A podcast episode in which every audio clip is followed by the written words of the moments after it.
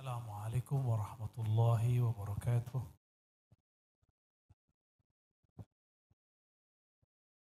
الحمد لله رب العالمين حمد الحامدين حمد المستغفرين حمدا يوافي نعمه ويكافئ مزيده. والحمد لله الذي جعلنا ممن أخذ عن شيخنا الحامد wa bihamdillahi tabaraka wa ta'ala faburika man من min syekhina al-hamid. Amma ba'du أيها ikhwa, أيها talaba, ayuhal azza. Bil Kadang-kadang eh, karena 15 tahun setiap hari berbicara bahasa Arab, refleks. Kemarin kita ke MUI Balikpapan, karena semuanya kiai dan habib saya paling muda. Ya tahu-tahu sudah refleks dalam bahasa Arab. Sampai selesai bahasa Arab terus. Ya. Ini ni'matullah alaina ja'alana ajaman. Lakin sahala lana eh, an natakallam bil arabiyah. Ya. Tapi yang di samping-samping saya itu Arabian. Ya. Sayyid. Cuma antum kan nggak tahu aja ya. Yang dia orang nyari Habib, Habib ini Habib di samping saya.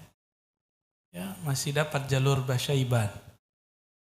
Ya, Basyaiban itu memang fam zuriat Rasulullah yang seling sering ikhtilat dengan wong cilik dengan darah merah.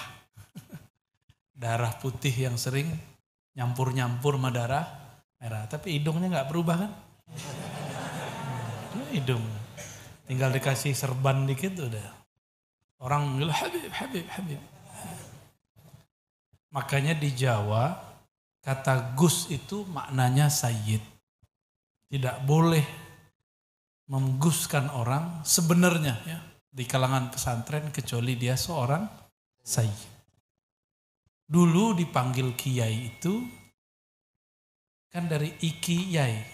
Itu yang ditunjuk oleh Allah, ditunjuk oleh Rasulullah jadi wali. Dulu sekarang kan sudah beda.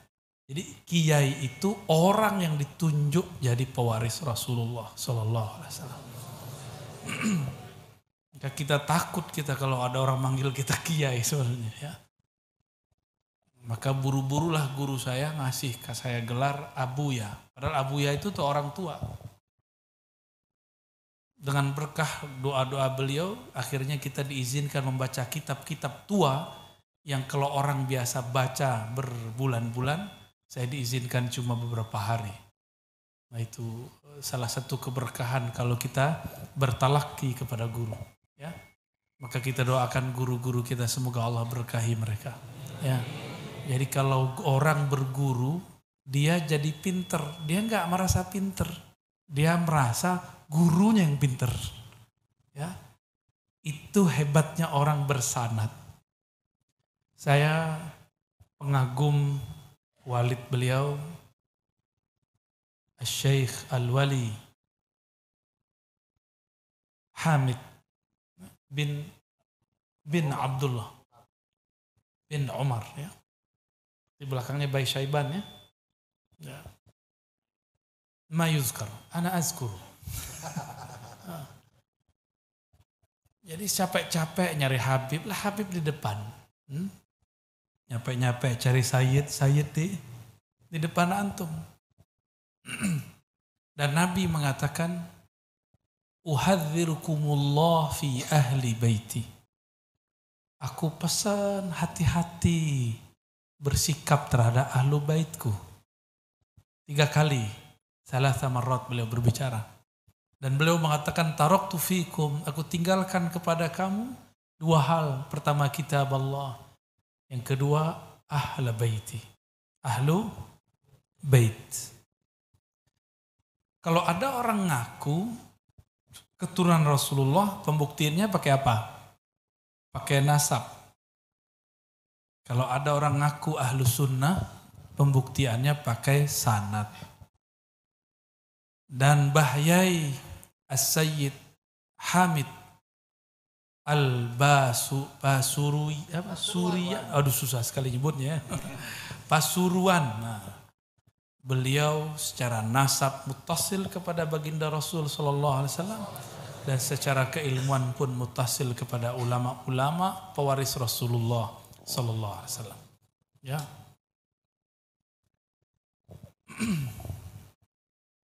Orang-orang dulu seperti beliau kalau dapat amal satu diseriusi. Itulah yang turun kepada antum semua. Ratibul Haddad masih.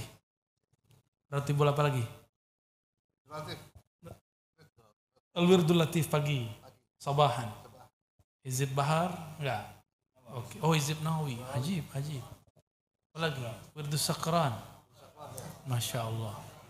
Apa lagi? Sakron apa nih? Iya. Ada yang sakron ke yang sebelah sono ya. Itu nggak bisa pakai suron, suron, surat-suratan.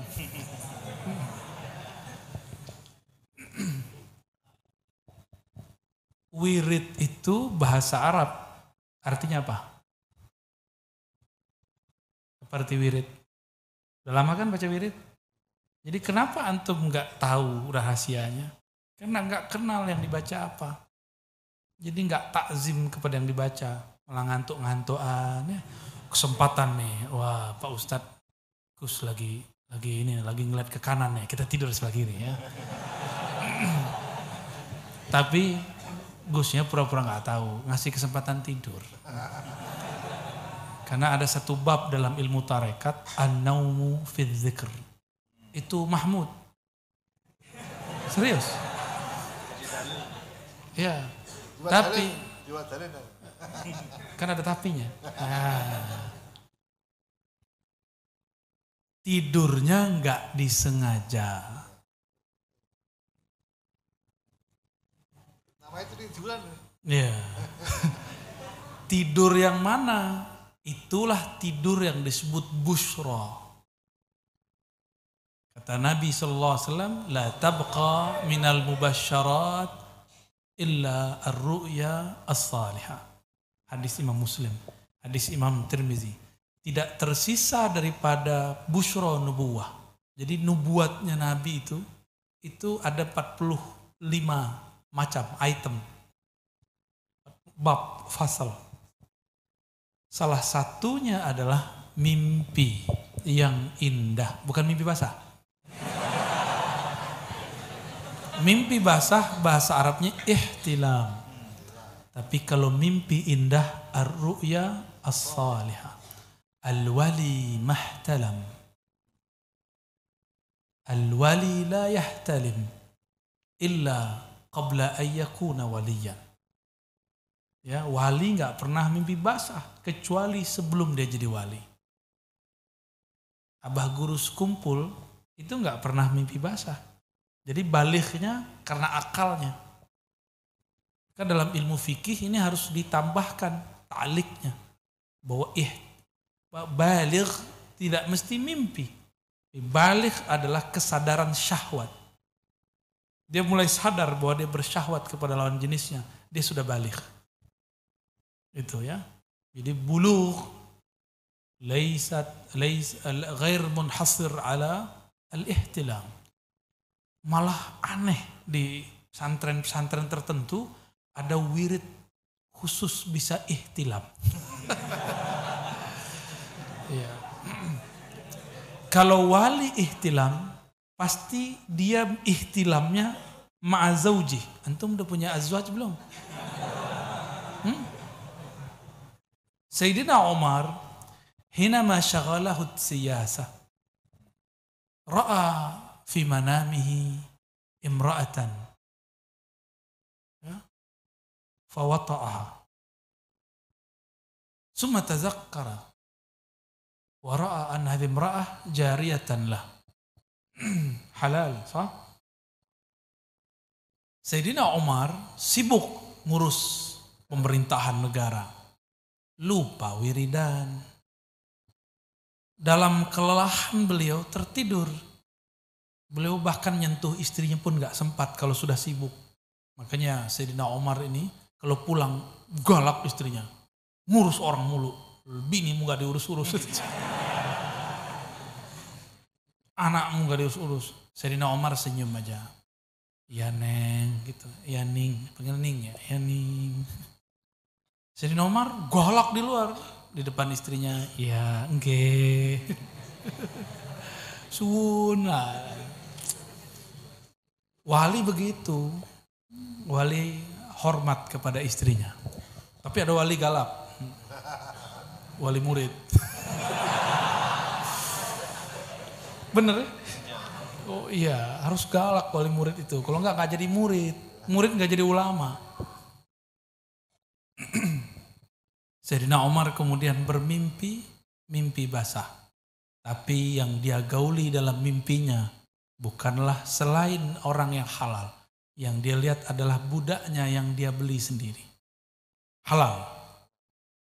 Karena wali masuk ke alam bawah sadar, dia tetap tahu kalau ini haram, ini halal. Dia sadar. Kalau antum kan berharap, ya Allah, hari ini ihtilaman ma'aha.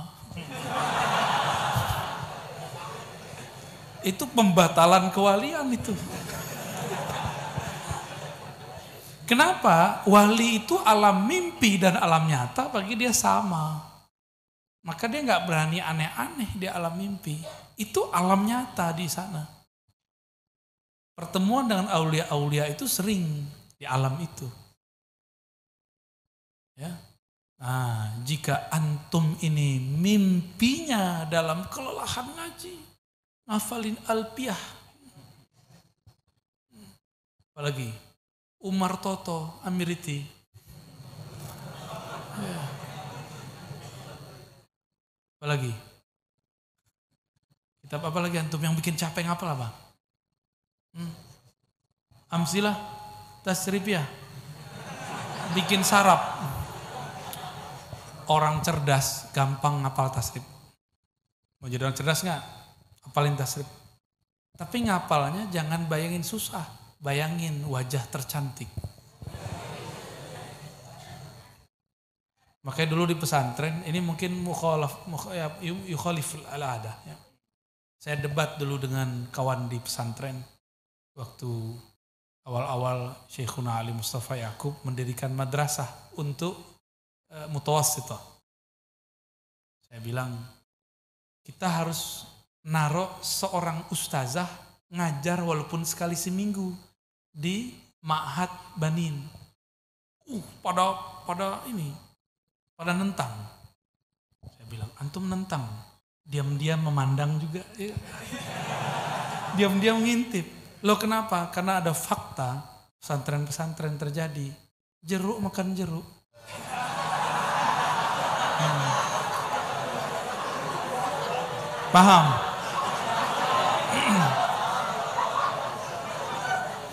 Jadi caranya gimana? Caranya harus ada ustazah yang muhtajibah, agak galak dikit, tapi cantik. Yo iyalah masa cewek ganteng. Ngajar walaupun cuma sekali seminggu, kadang sekali sebulan. Tapi ternyata alhamdulillah jadi habit. Ya, malah bisa jadi ibu. Karena ustazahnya agak jauh umurnya dikit dibandingkan santrinya. Minimal dia tahu uh, apa wedok cantik eh, iki ya gitu ya. Kalau yang cantik begini, Masa ngelihat lanang-lanang mulu kan? Bosen gak? Oh Ustadz Odol Basor. Ya. Odol Basor. Diam-diam ngintip. Kita itu sering khainatul ayun. Ya. Tapi itu mungkin jadi bahan perdebatan. Ya. Alhamdulillah usul saya diterima sampai sekarang jalan. Ya. Baik. Jadi an-naumu fi dzikr bi ghairi amdin mahmud. Tapi bi'amdin ghair mahmud. Mazmum bal matrud. Ya, dia terbuang dari alam alam itu. Cuma dapat berkah. berkah tidur. Lumayan ciri-ciri ya. Antum tahu nggak kalau saya baru tidur setengah jam dari kemarin? Cuma di pesawat saya tidur. Barusan baru mau tidur, dia nyampe. Nggak jadi. Ngantuknya bukan main. Pas udah mau nyampe, pas tol kan gitu. Dia nyampe. Itu hasil dari riadoh. Riadohnya riadoh bangun ngaji. Dan badan coba lihat. Ada badannya yang seberat badan saya. 85. Hmm? Jadi antum tiga orang saya giniin tuh tumbang. ya. Kayaknya ada yang lebih dari saya kali ya. Hmm. Subur-subur, eh, sembunyi. Jadi Adinda, para santri semua, saya sampai sekarang masih santri. Cuma santrinya beda funnya aja. Fatnya sekarang kalau ngaji jam 12 sampai subuh. Itu itu santri alam lain. Kalau antum kan santri alam carut marut. Kita santri alam jabarut. Kiai-kiai dulu dapat wirid, dapat ijazah dari kiainya, dia amalkan. Diamalkan, diamalkan, diamalkan. Baru jadi wirid. Jadi apa yang disebut wirid? Al-amal mudawam. Al-amal al-mudawam. Amal yang didawamkan disebut wirid. Wirid itu pertanda ada warid. Apa arti warid? Sesuatu yang datang. Apa yang datang? Kalau dia santri dapatnya futuh. Jika dia wali dapat laduni. Apa beda futuh dan laduni? Futuh itu belajar dua, pahamnya sepuluh. Asbab guru. Tetap berguru. Guru menjelaskan dua, kita dikasih faham sepuluh. Namanya futuh. Ya. Torikohnya apa? Ngaji kepada guru bersanat. Karena guru bersanat itu dia nggak ngajar sendiri. Dia kan sebelum ngajar dia baca fatihah dulu. Benar nggak? Tawasulan dulu. Itu dia nggak ngajar sendiri. Saat dia lupa, Allah ganti chip dia. Kadang yang lain yang ngajar. Kalau orangnya kasyaf itu bisa lihat, lah kok Ghazali yang keluar. Nah, loh kok Mbah Hamid muncul lagi gitu. Itu bukan reinkarnasi, itu nurnya mancar. Disebut al-ulama warasatul anbiya. Ini waris siapa yang turun? Inilah pentingnya bertawasul sebelum ngaji. Bagi orang-orang fukoha, tawasul itu cuma mustahab terutama fuqaha ahlu sunnah. Tapi bagi ahlul haqiqah, at-tawassul wajib. Ya, tawassul itu wajib karena bisa menghancurkan kesombongan, menghancurkan sok pinter. Orang kalau ingat gurunya, rasa sok pinternya hilang. Ya, apa kata Imam Abu Hanifah, imam yang paling cerdas dalam bab Al-Qiyas. Ciri-ciri orang jago hukum kiasnya tidak ada habis-habisnya. Imamuna Abu Hanifah Nu'man bin Thabit al-mutawaffa sanah 150 ya. Imam Abu Hanifah yang wafat tahun 110 Hijriah beliau berkalam. Apa kata beliau? Laula Ja'far lahalaka Nu'man ibn Thabit. Kalau bukanlah karena didikan guruku Ja'far Sadiq, Ja'far Sadiq bin Muhammad Al-Baqir bin Ali Zainal Abidin bin Hussein bin Ali. Itu. Ja'far. Apa kata Abu Hanifah? Kalau bukan karena gemblengan Ja'far, tentu Nu'man bin Thabit halik, binasa, hancur. Kenapa? I'jabul mar'i binafsih. Jadi salah satu muhlikat hancur nasib sial dia sepanjang umurnya walaupun dia santri ketika dia takjub kepada ilmunya takjub kepada dirinya nah, inilah dihancurkan sama kalau orang berguru ya Beruntung kalian. Saya dulu pengen nyantri dari kecil. Gak diizinkan ayah saya. Maka diam-diam saya nyantri ngalong. Berangkat jam 8, pulang jam 2. Ngaji di surau-surau tasawuf. Orangnya aneh-aneh. Bacanya aneh-aneh. Tahu-tahu pingsan-pingsan. Pingsan karena zikir. La ilaha illallah. Pingsan. Kan bingung kita. Mau ngaji gimana orang yang pingsan? Ada lagi yang lagi zikir nangis-nangis. Kita baru nanya dia nangis duluan. Gimana mau ngaji? Tapi tangisnya itu berefek dalam kolbu. Kok mereka bisa nangis, saya nggak bisa nangis. Apa di kolbu saya? Jadi nangis aja bersanat coba. Eh, bukan hanya kitab bersanat, nangis aja bersanat. Kalau enggak, fihiria. Jadi kata Ibnul Mubarak, nangis itu ada sembilan. Kullu haria illa wahidan.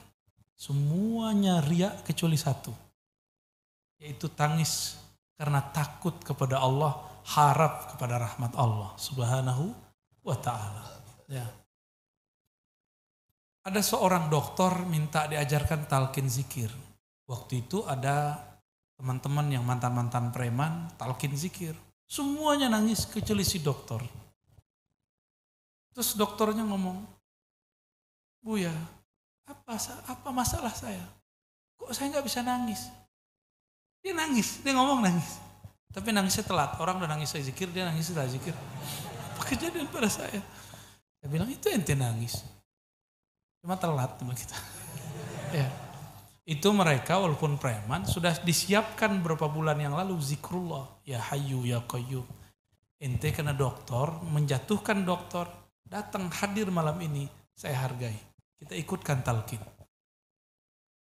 Jadi dia dapat rasanya setelah orang selesai. Ketika dia merasa, kok saya lebih hina ya daripada mantan-mantan preman. Di situ usulnya dia. Ya, Gak tahu usulnya antum kan ngorok. Usul. Usul. Baik. Kalau wali bukan futuh namanya laduni. Laduni itu ilmu yang di-download. Tahu download gak?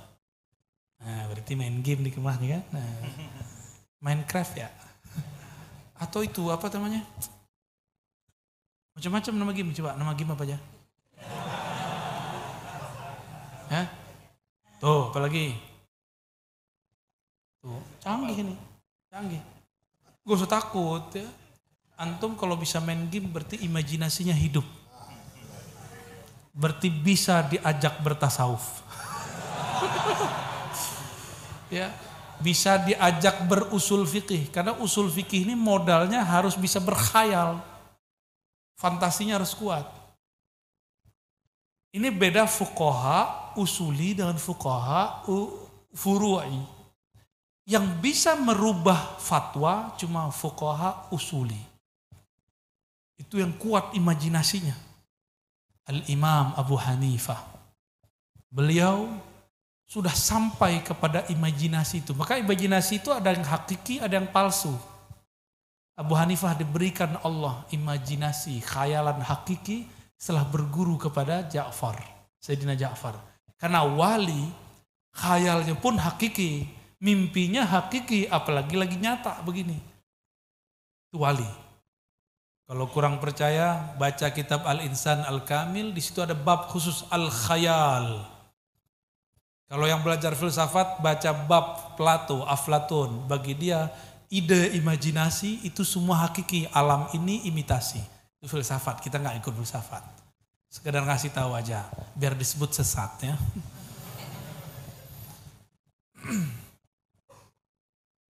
Abu Hanifah, apa kata beliau? Boleh zakat fitrah dengan yang senilai dengan gandum satu sok. Atau tamar satu sok ngomongnya sebelum tahun 150. Kira-kira tahun 130 dia udah ngomong begitu. Ditentanglah oleh Imam Hamad ibn Zaid. Abu Hanifah di Kufah, ini di Basrah. Orang Basroh ini kota hadis. Beda dengan riwayat hadis dituduh bid'ah. Abu Hanifah tahu hadis. Inna, inna Rasulullah SAW apa inna Allah farada alaikum zakat al-fitri sa'an min at-tamri aw sa'an min asy-sya'ir. Dia hafal punya sanad jarak dari Nabi cuma satu orang, dua orang. Abu Hanifah.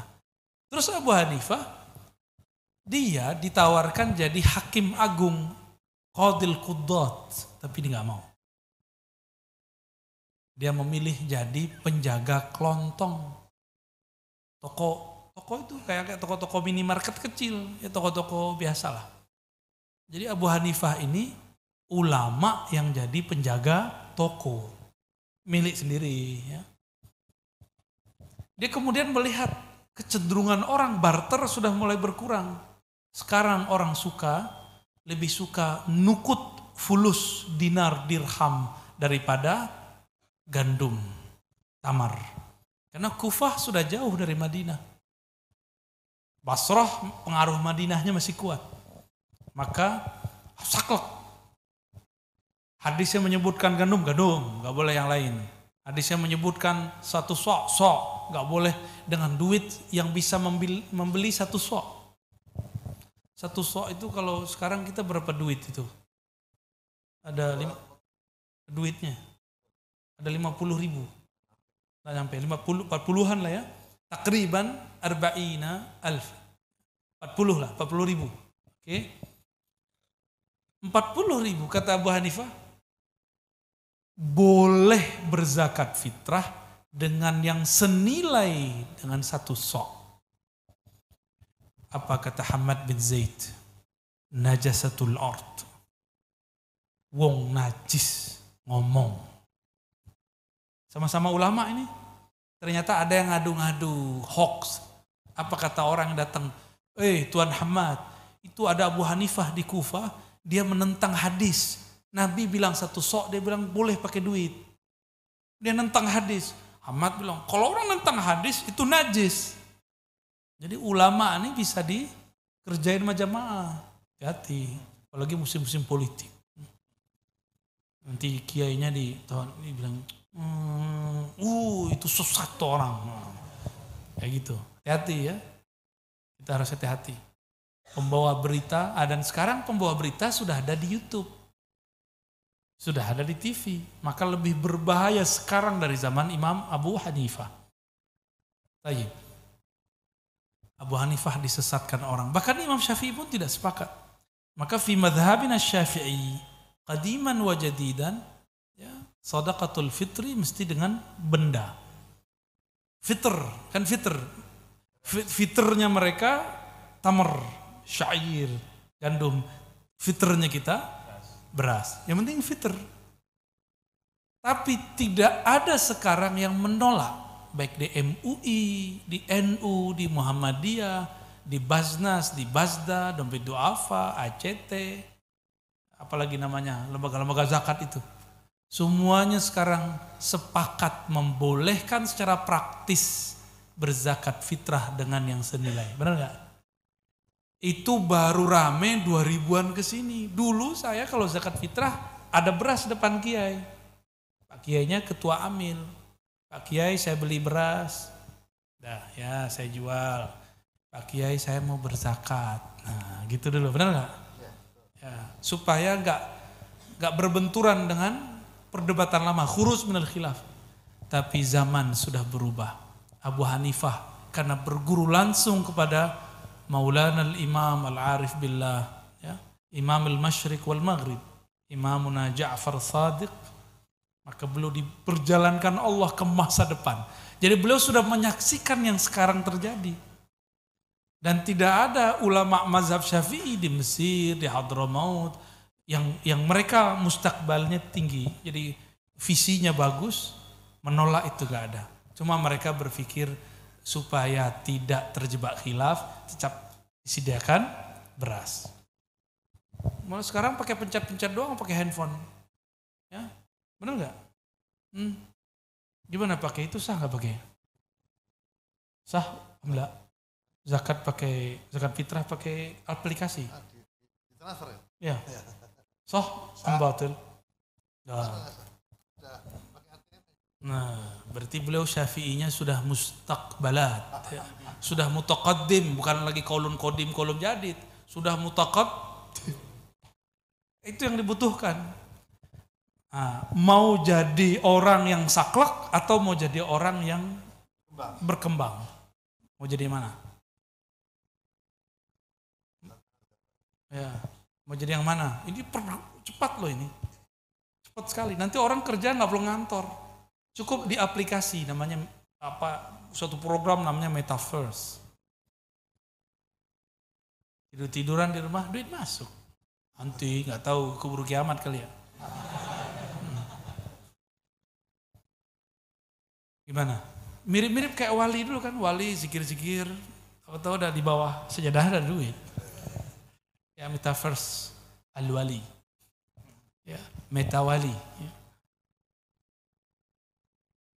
Jika mau maka kuasai usul fikih dan kawaid fiqhiyah dengan baik. Kawaid fikih itu boleh dirubah. Cuma harus menguasai usul fikih. Kalau enggak jangan coba-coba rubah. Kualatar. Ya. Boleh dikurangi, boleh ditambahkan, boleh dikritisi, boleh dikuatkan. Karena kaidah fikih itu kalau di kampus itu namanya tesis atau teori bangunan teori itu boleh dikritisi ulang. Sebagai contoh, ada perdebatan mengenai al aslu fil ibadat hmm? apa? Apa ibadah? Bukan, mubah atau mamnu? Al aslu fil ibadah mamnu. Tapi Abu Hanifah dibalik. Al aslu fil ibadah wajib. Beliau balik al aslu fil muamalah mamnu. Jadi itu perbedaan Hanafiyah Syafi'iyah, Hanafiyah Syafi'iyah.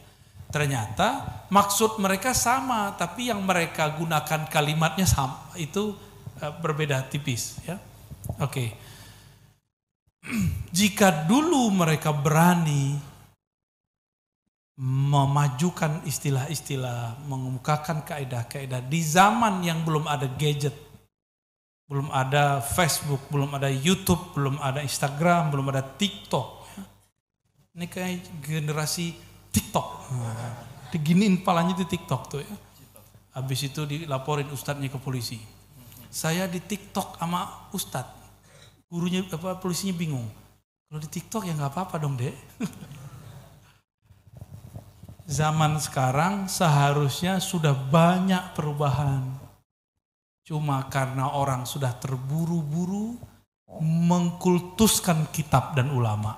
Akhirnya nggak berani merubah yang sudah mesti dirubah. Ya, saklek, saklek bener. Kitab nih contoh, kitab yang paling belakangan ditulis dalam mazhab syafi'iyah yang masyhur, I'anatut lebih. Tapi ditulis kan masa sebelum ada Facebook ya. Belum ada Google, Ya, belum ada. Ahli hadis dulu melarang. Ya, kutub sita. Baik apa? Lewat apa? Aplikasi. Ya. Dulu tuh nggak ada. Dulu Imam Bukhari mau dapat satu hadis, jalan dulu ke Mekah, baru dapat hadis inamal amalu bin Ya, sekarang oh tunggu dulu Pak Kiai, kita buka dulu Google katanya. Jadi sekarang orang awam suka membentur-benturkan ustadz dengan Google dan YouTube. Nah, ini kalian harus siap, maka kalian nanti harus masuk ke YouTube. Tapi jangan masuk dulu ke YouTube sampai mateng. Mateng satu bab, maka jangan terlalu tamak dengan semua, oh saya harus kuasai semua. Enggak, dilihat-lihat badan ini oh saya kuatnya di bahasa Arab, saya kuatnya di fikih, saya kuatnya di usul, saya kuatnya di akidah, saya kuatnya di mana. Atau emang ada orang yang diberikan ruang, dikuasai semua, bagus. Udah mateng, terus gurunya bilang, udah kamu ngajar. Berarti dia sudah boleh masuk ke dunia alamanya. Jangan ngajar, jangan terkenal sebelum waktunya. sama dengan manen buah pisang tapi masih mengkel atau mengkel. Ya masih mentah. Bentuknya hijau seperti lambang NU. Kayaknya ini pohon NU nih ya. Tapi pas dicoba nggak enak, harus diolah dulu jadi keripik baru enak. Jadi kalau mau memetik ilmu sebelum saatnya, tetap harus diolah lagi. Gitu. Paham nggak maksudnya? Ya.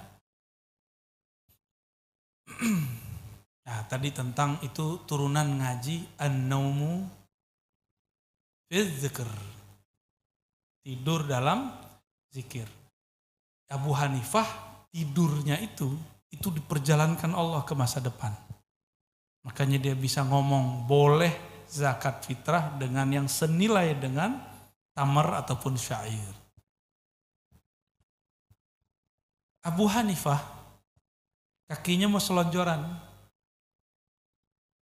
Terus dia ingat kakinya mengarah ke rumah gurunya Hamad bin Salamah. Kalau tadi yang memusuhi beliau Hamad bin Zaid. Akhirnya beliau kemudian mengarahkan kakinya ke bagian lain. Diarahin ke yang lain. Apa kata beliau? As, astahi min syekhi Hamad bin Salamah. Aku malu kurang hormat kepada guruku Hamad bin Salamah. Itu gurunya lihat nggak dia kakinya selonjoran? Gurunya tahu nggak? Enggak. Di arah rumahnya gongsono, tapi itu arah rumahnya. Gak berani beliau selonjorin kaki. Antum bisa lihat, ini adab murid kepada guru walaupun jauh Mau jadi imam, mau jadi orang hebat, pakaikan adab zahir ataupun batin. Imam Malik tidak malah pakai sendal malah, apalagi kuda. Imam Malik itu kalau musim panas, Madinah itu pasirnya Masya Allah membakar kaki. Tapi beliau tidak pernah pakai sandal dan tidak pernah naik kuda ataupun onta. Ditanya oleh pejabat-pejabat yang mentereng, murid-murid yang polos. Ya Sayyidi, ya lima alam tantail. Ya, kenapa engkau tidak eh, ta'khuz na'lan menggunakan sendal atau tarkab khailan mengendarai kuda? Apa jawaban beliau? Apakah pantas seorang malik berjalan dengan sendal yang gagah atau naik kuda yang perkasa sedangkan di bawah kakinya ada baginda Rasul sallallahu alaihi wasallam. Oleh karena itu beliau menjalani bertahun-tahun setiap malam belum mimpi Rasulullah SAW. Ini baru benar. Kan ada juga ngaku ketemu Nabi tiap malam ya. Apa kata beliau? Ma bittu lailan illa wa ra'aitu Nabiy sallallahu alaihi wasallam. Tidaklah aku bittu, bittu itu rehat.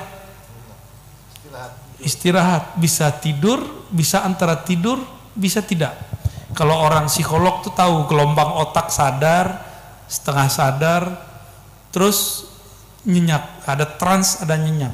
Jadi biasanya mimpi itu ketika setengah sadar. Setiap kali beliau mau tidur itu melihat Nabi senyum, Nabi ngobrol. Jadi ngajinya lewat jalur begitu. Itulah yang terjadi pada Hadratus Syekh Hashim Ash'ari. Disuruh Eh, datang ke Syekhana Khalil nggak disuruh ngaji, disuruh bercocok tanam, nguji nafsiahnya. Tiba-tiba ada orang ngelamar, disodorinlah Mbah Hashim, disuruh mimpin pesantren. Terus beliau, ya Sayyidi, Pak Yai, saya kan nggak pernah ngaji, gimana mau ngajar?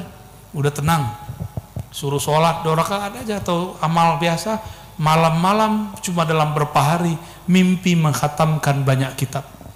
Dalam jadi wali itu mimpinya nyata.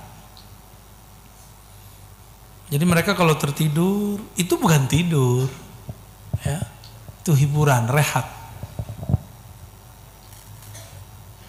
Maka ada sebuah riwayat Ru'yal anbiya wahyun Mimpi para nabi wahyu kalau ulama pewaris para nabi, mimpinya apa dong?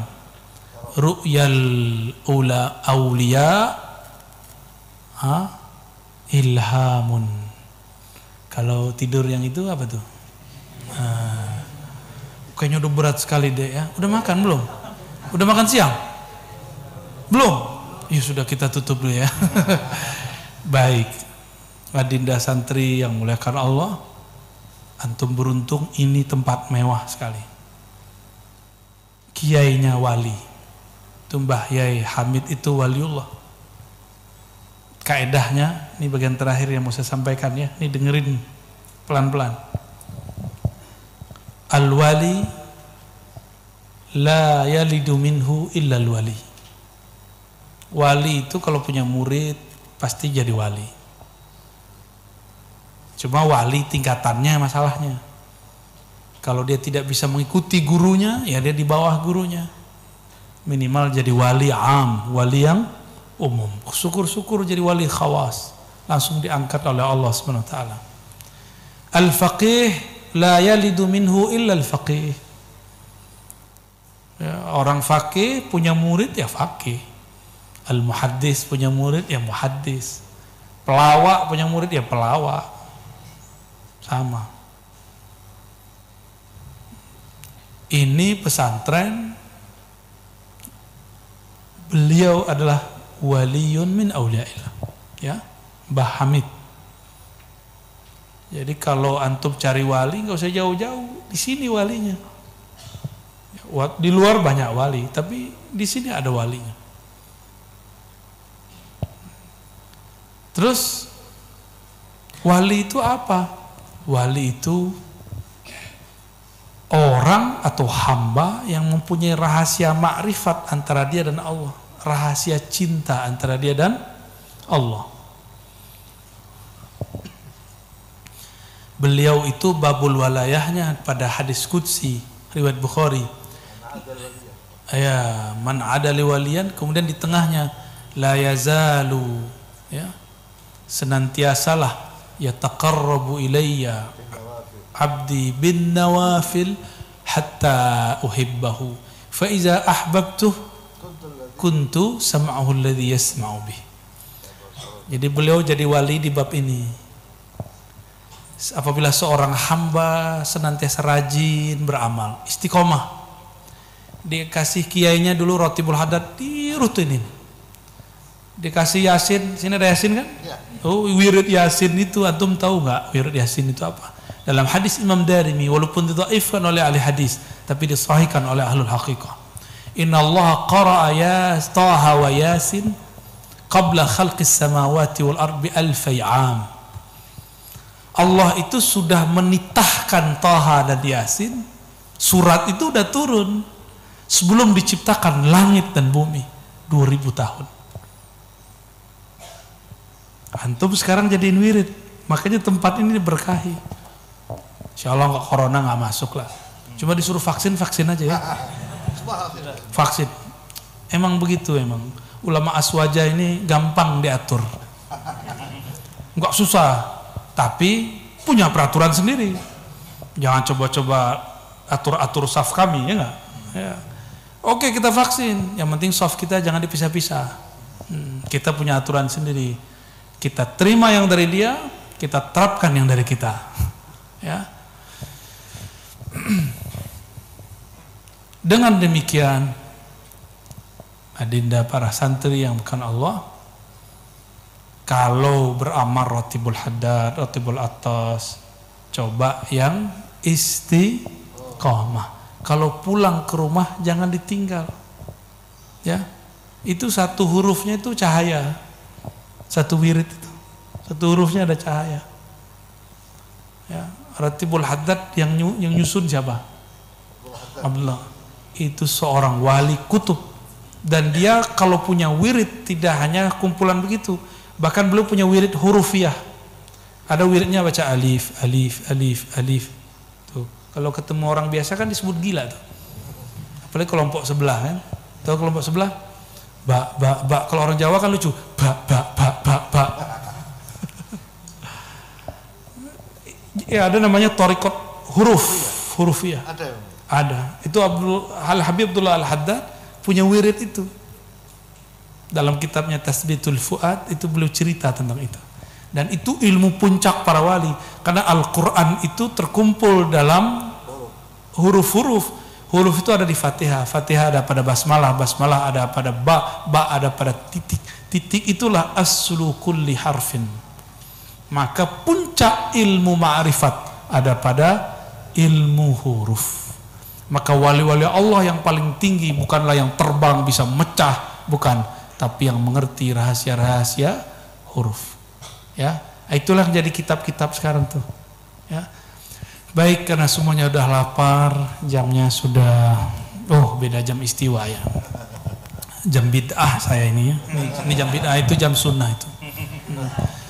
Saya berdoa semoga saya termasuk orang yang dapat keberkahan Syekhona Mbah Hamid ya. Begitu juga anak-anak beliau, keturunan beliau, guru-guru di sini. Kalau nggak ada guru-guru ini, nggak jalan juga. Maka al-muallim ruhul ma'had. Jadi kalian jangan pernah sakiti para muallim karena ruh ini adalah muallim. Ya, mulai cintai mereka, mencium tangannya dengan tulus. Tapi nanti nggak usah salam-salaman ya. E, kata orang di luar masih corona di sini nggak. Karena saya mau buru-buru lagi e, ada ada lagi yang mau di ini ya. Kita doakan untuk mereka semua ala hazinnya wali kulinitin salihah wali al-Mustafa sallallahu alaihi wasallam ya wa sayyidina Syekh Hamid wa jami' auladihi wa zurriyatihi wa talamizihi wa man akhaza min وكل من أحب لنا ولهم الفاتحة. أعوذ بالله من الشيطان الرجيم. بسم الله الرحمن الرحيم. مالكم الدنيا صراط الذين أنعمت عليهم غير المغضوب عليهم ولا الحمد لله رب العالمين وصلى الله على سيدنا محمد. السلام عليكم ورحمة الله وبركاته. Baik, terima kasih. Jazakumullah asal jaza atas ilqaul fawaid wal atas mauidhah mauidhah dan faedah-faedah yang beliau berikan jadi apa yang mungkin beliau sampaikan bisa saya simpulkan sedikit yang mungkin bisa membantu teman-teman dalam memahami apa yang tadi beliau sampaikan. Beliau ingin memotivasi kita semua bahwa tantangan ke depan ini juga harus dipersiapkan dengan kemampuan keilmuan yang matang khususnya di bidang usul fikih karena nanti kita akan dihadapkan dengan banyak tantangan-tantangan baru yang itu membutuhkan solusi-solusi baru maka para santri-santri diharapkan untuk semakin tekun. Yang kedua, al-iltizam bidzikr yaitu istiqomah untuk melanggengkan zikir-zikir yang sudah diajarkan di pondok pesantren ini sehingga zikir-zikir itu bisa menjadi wirid. Karena kalau tidak langgeng belum bisa disebut wirid. Karena wirid itu adalah sesuatu yang dilanggengkan. Zikir dan wirid Perbedaannya adalah wirid adalah zikir yang dilanggengkan. Ketinggalan di koto. Itu dawuh beliau. Jadi uh, ini pesan beliau yang kedua. Yang ketiga beliau tadi memberikan tips tidur yang bermanfaat. Itu yang saya tangkap. An-naum fil zikr. Tapi syaratnya harus ketiduran ya, bukan sengaja. Bi amdin. Yang repot di sini melodi wiridnya membuat tidur. Jadi banyak yang tidur saat wirid. Jadi itu bagus ya. Berarti sudah anu menyelam ke alam alam fana mungkin. Jadi orang bisa tidur itu kalau otaknya rileks, berarti hmm. di sini tidak stres. Atau terlalu santai bu ya? Ya, pesantren harus santai biar oh, nggak oh, kesurupan. biar nggak ada kesurupan kan? Enggak. Ah, itu karena melodi wiridnya santuy. Ya. Selamat santri santuy. ya. Jadi kalau ada pesantren, santrinya ah, sering kesurupan, berarti dia tidak santai. Hmm. Kiainya terlalu keras, gurunya terlalu tegas. Nah, ini harus diperbaiki. Kalau antum nggak ada yang kesurupan kan? Paling kesurupan lapar. ini udah demo nih, perutnya udah ngomong lapar. Banyak yang kesurupan kalau pulang ke rumah ini santri-santri. Jadi uh, entah tadi beliau ini termasuk orang yang punya visi atau pandangan ke depan kok langsung bahas masalah tidur gitu. Ya. Nggak tahu santri-santri di sini kok memang sukanya begitu. Ya, ya kadang wirid juga nggak balik-balik juga. Jadi ada kasafnya juga beliau ini. Uh, baik para santri, uh, apa yang beliau sampaikan tadi merupakan sebuah wawasan untuk membuka cakrawala kita supaya Anda semua ini bisa terus mengembangkan diri dan mempersiapkan zaman di masa depan. Karena tantangan Anda bukan di hari ini saja tapi di masa depan. Barangkali ada satu dua santri yang ingin tabarukan tanya ke Buya Rozi. Atau ada yang tanya panjenengan itu siapa tuh gitu kira-kira. Belum ada yang belum kenal mungkin. Atau ada yang mau tanya tentang yang lain. Beliau ini kalau di di YouTube ini sering bicara tentang ilmu ma'rifah, ilmu hakikat, tapi beliau juga sering berbicara tentang ahamiyah at-tamassuk bil akidah ahli sunnah wal jamaah. Jadi pentingnya berpegang teguh pada akidah ahli sunnah wal jamaah. Beliau termasuk singa aswaja. Ya. Nah mungkin ada yang dan mungkin ada yang belum tahu bahwa beliau juga pernah terpengaruh dengan akidah Mujassimah atau Salafi Wahabi. Beliau juga mantan ya. Jadi mungkin ada yang belum tahu, ya. nah, ada yang tanya silakan maju. Ada satu lagi? Ya sebutkan nama dan kelasnya silakan.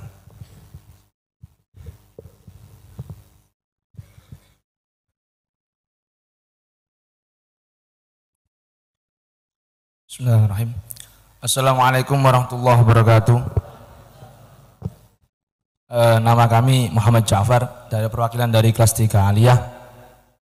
Ingin mengat, e, menanyakan beberapa poin. Pertama-tama kan di antara faidah zikir atau wirid itu menumbuhkan mahabbatullah dan di antara faidah atau fadilah sholawat adalah menumbuhkan mahabbat Rasul dan apakah ketika semuanya dilazimkan, mulazamahkan, kedua rasa cinta ini bergelora, kedua rasa, kedua rasa rindu itu berkobar. Apakah mungkin dua rasa cinta ini berkumpul dalam satu hati? Terus kalau misalnya nggak bisa dikompromikan, mana rasa cinta yang harus diutamakan terlebih dahulu? Terima kasih. Itu saja dari kami. Assalamualaikum warahmatullahi wabarakatuh. Waduh. Ini sudah bab kasmarania ini. Muhammad Ja'far. Apa?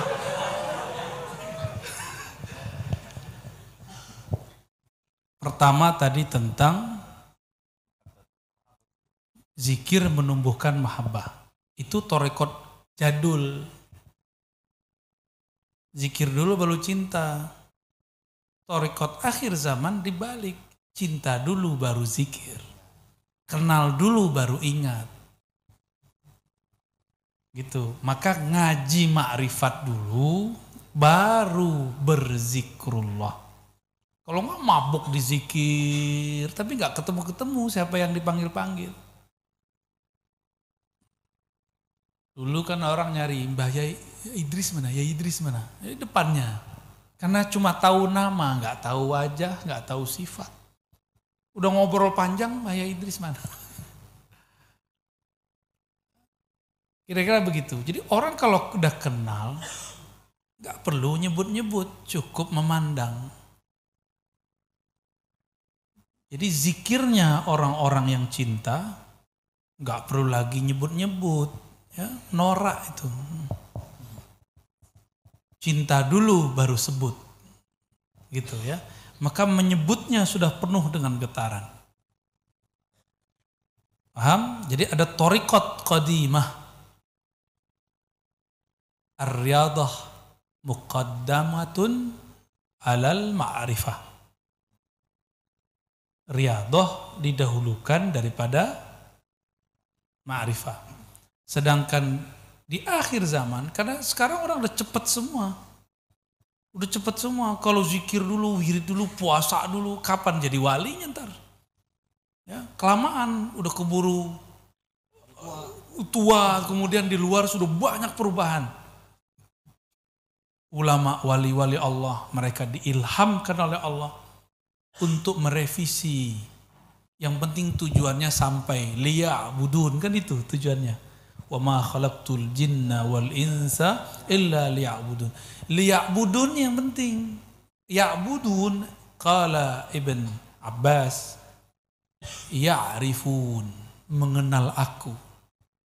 Kalau dulu ya'budun orang mengartikan cuma riadoh, riadoh, riadoh, riadoh, riadoh. Sekarang dibalik. Ya. Kalau enggak torikot yang kita kembangkan, mazhab yang kita ajarkan, akidah yang kita sedang pertahankan enggak bisa berkembang. Hatta sifat 20 itu harus diringkas. Saya sudah meringkasnya, tinggal tinggal selesaiin tulisannya. Jadi sifat 20 itu cukup digabung jadi dua sifat. Sifat gampang sekali ntar kalau udah jadi buku kecil aja. Saya kirimlah ke sini insya Allah. Kita buat daurah di sini. Ya, kita tulis dalam dua bahasa Arabia dan Indonesia insya Allah. Biar biar jadi barokah insya Allah. Harus ada usaha untuk merevisi setiap saat. Karena kita adalah ibnu abna zamanina. Kita orang yang hidup zaman ini bukan yang hidup beberapa abad yang lalu. Jangan terlena dengan masa itu. Kita tetap baca kitab mereka, lalu kita ambil mana yang jadi inti, kita kemudian balut lagi yang sesuai dengan zaman ini. Intinya nggak berubah. Ya, jadi dahulukan ma'rifat sebelum riadah zikir. Maka di sini wajib belajar sifat-sifat Allah, sifat 20. Tidak hanya ngafal, betul-betul diajarkan apa yang disebut wujud, apa yang disebut qidam, bako, mukhalafatul hawadis, ya terus sampai selesai. Kemudian ma'rifatur rasul. Kalau torikot lama, solawat dulu baru ma'rifat rasul. Lagi-lagi torikot lama. Kalau torikot sekarang, ngaji syama'il dulu. Terus ngaji hakaik Nabi dulu. Sebenarnya Nabi itu struktur ilmu yang ada pada dirinya apa? Kok bisa Jibril yang setua itu nggak bisa tembus ke aras, tapi beliau bisa tembus. Kok bisa orang yang cuma umur 63 tahun merubah dunia? Dulu filosof namanya Socrates, Socrates ya, itu bunuh diri Gak sanggup ngurusin kota kecil namanya Athena di Yunani. Nabi Yuna Muhammad SAW tidak pernah stres ngurusin umat.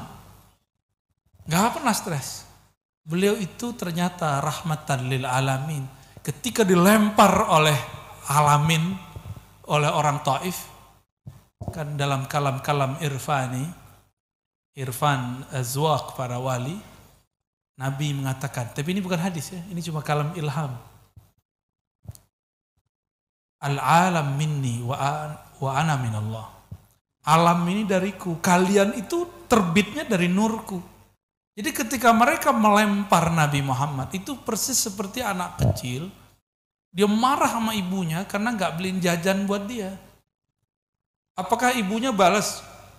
Pas dilempar, ibunya ambil golok. Emang begitu?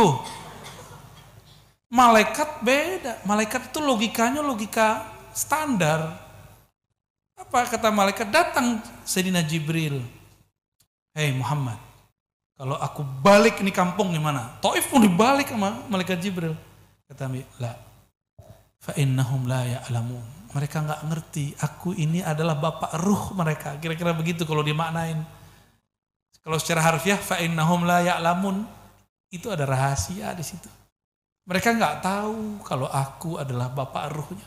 Mereka itu sumbernya dariku semua. Mereka itu adalah anak-anakku.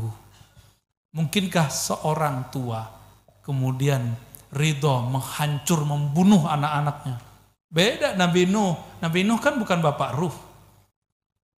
Bukan sumber Nur Muhammad.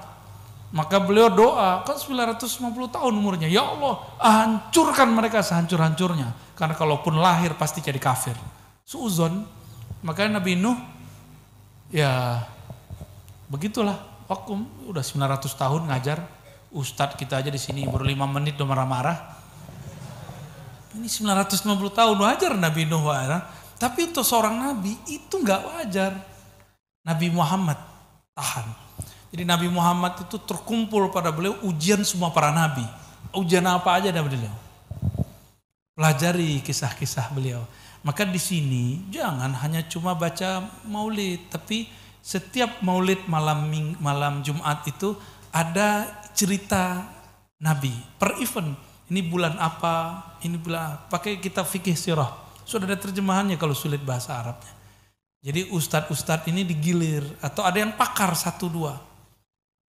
Cukup dia yang bersanat kepada Al-Buti. Antum kan punya sanat kepada Syekh Al-Buti.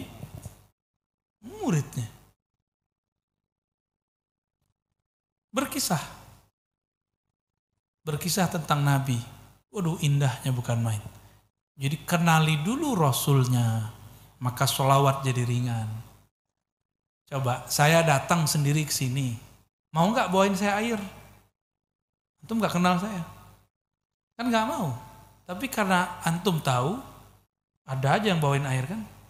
Kalau enggak kan, saya bilang, ayo ambilin air. Ente siapa? ya kan? Saya dijemput pakai mobil As-Samad. Itu kalau nggak kenal, nggak kenal, nggak ada hubungan, nggak ada mahabbah, Gak mungkin. Lu siapa mau dijemput-jemput? Saya telepon. Uh, Gus, Gus, jemput aku dong. Kamu siapa? Sampean siapa? Tapi kalau kenal gimana? Oh siap Gus, orangnya di sana, kepalanya di sini. Paham maksudnya?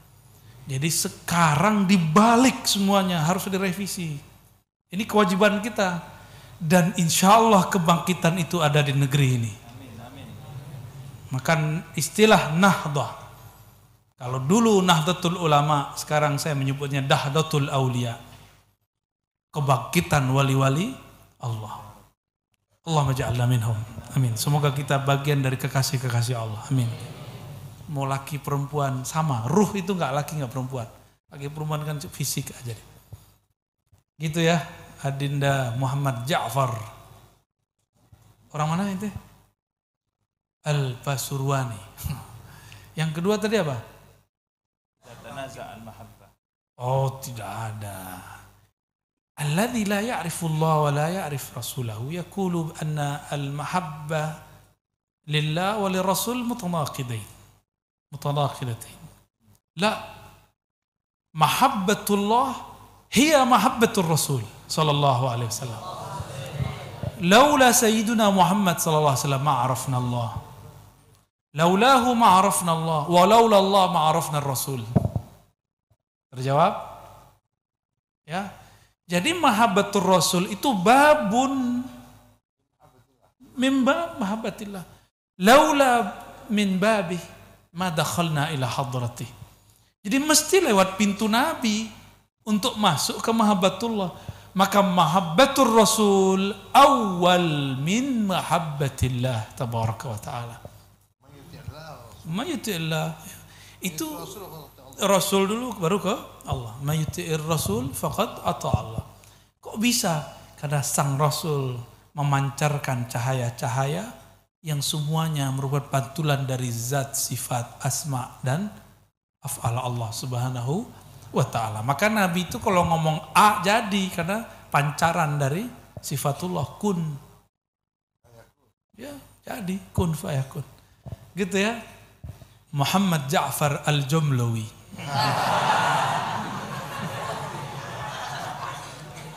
Habisnya ente laku keras. Ayo.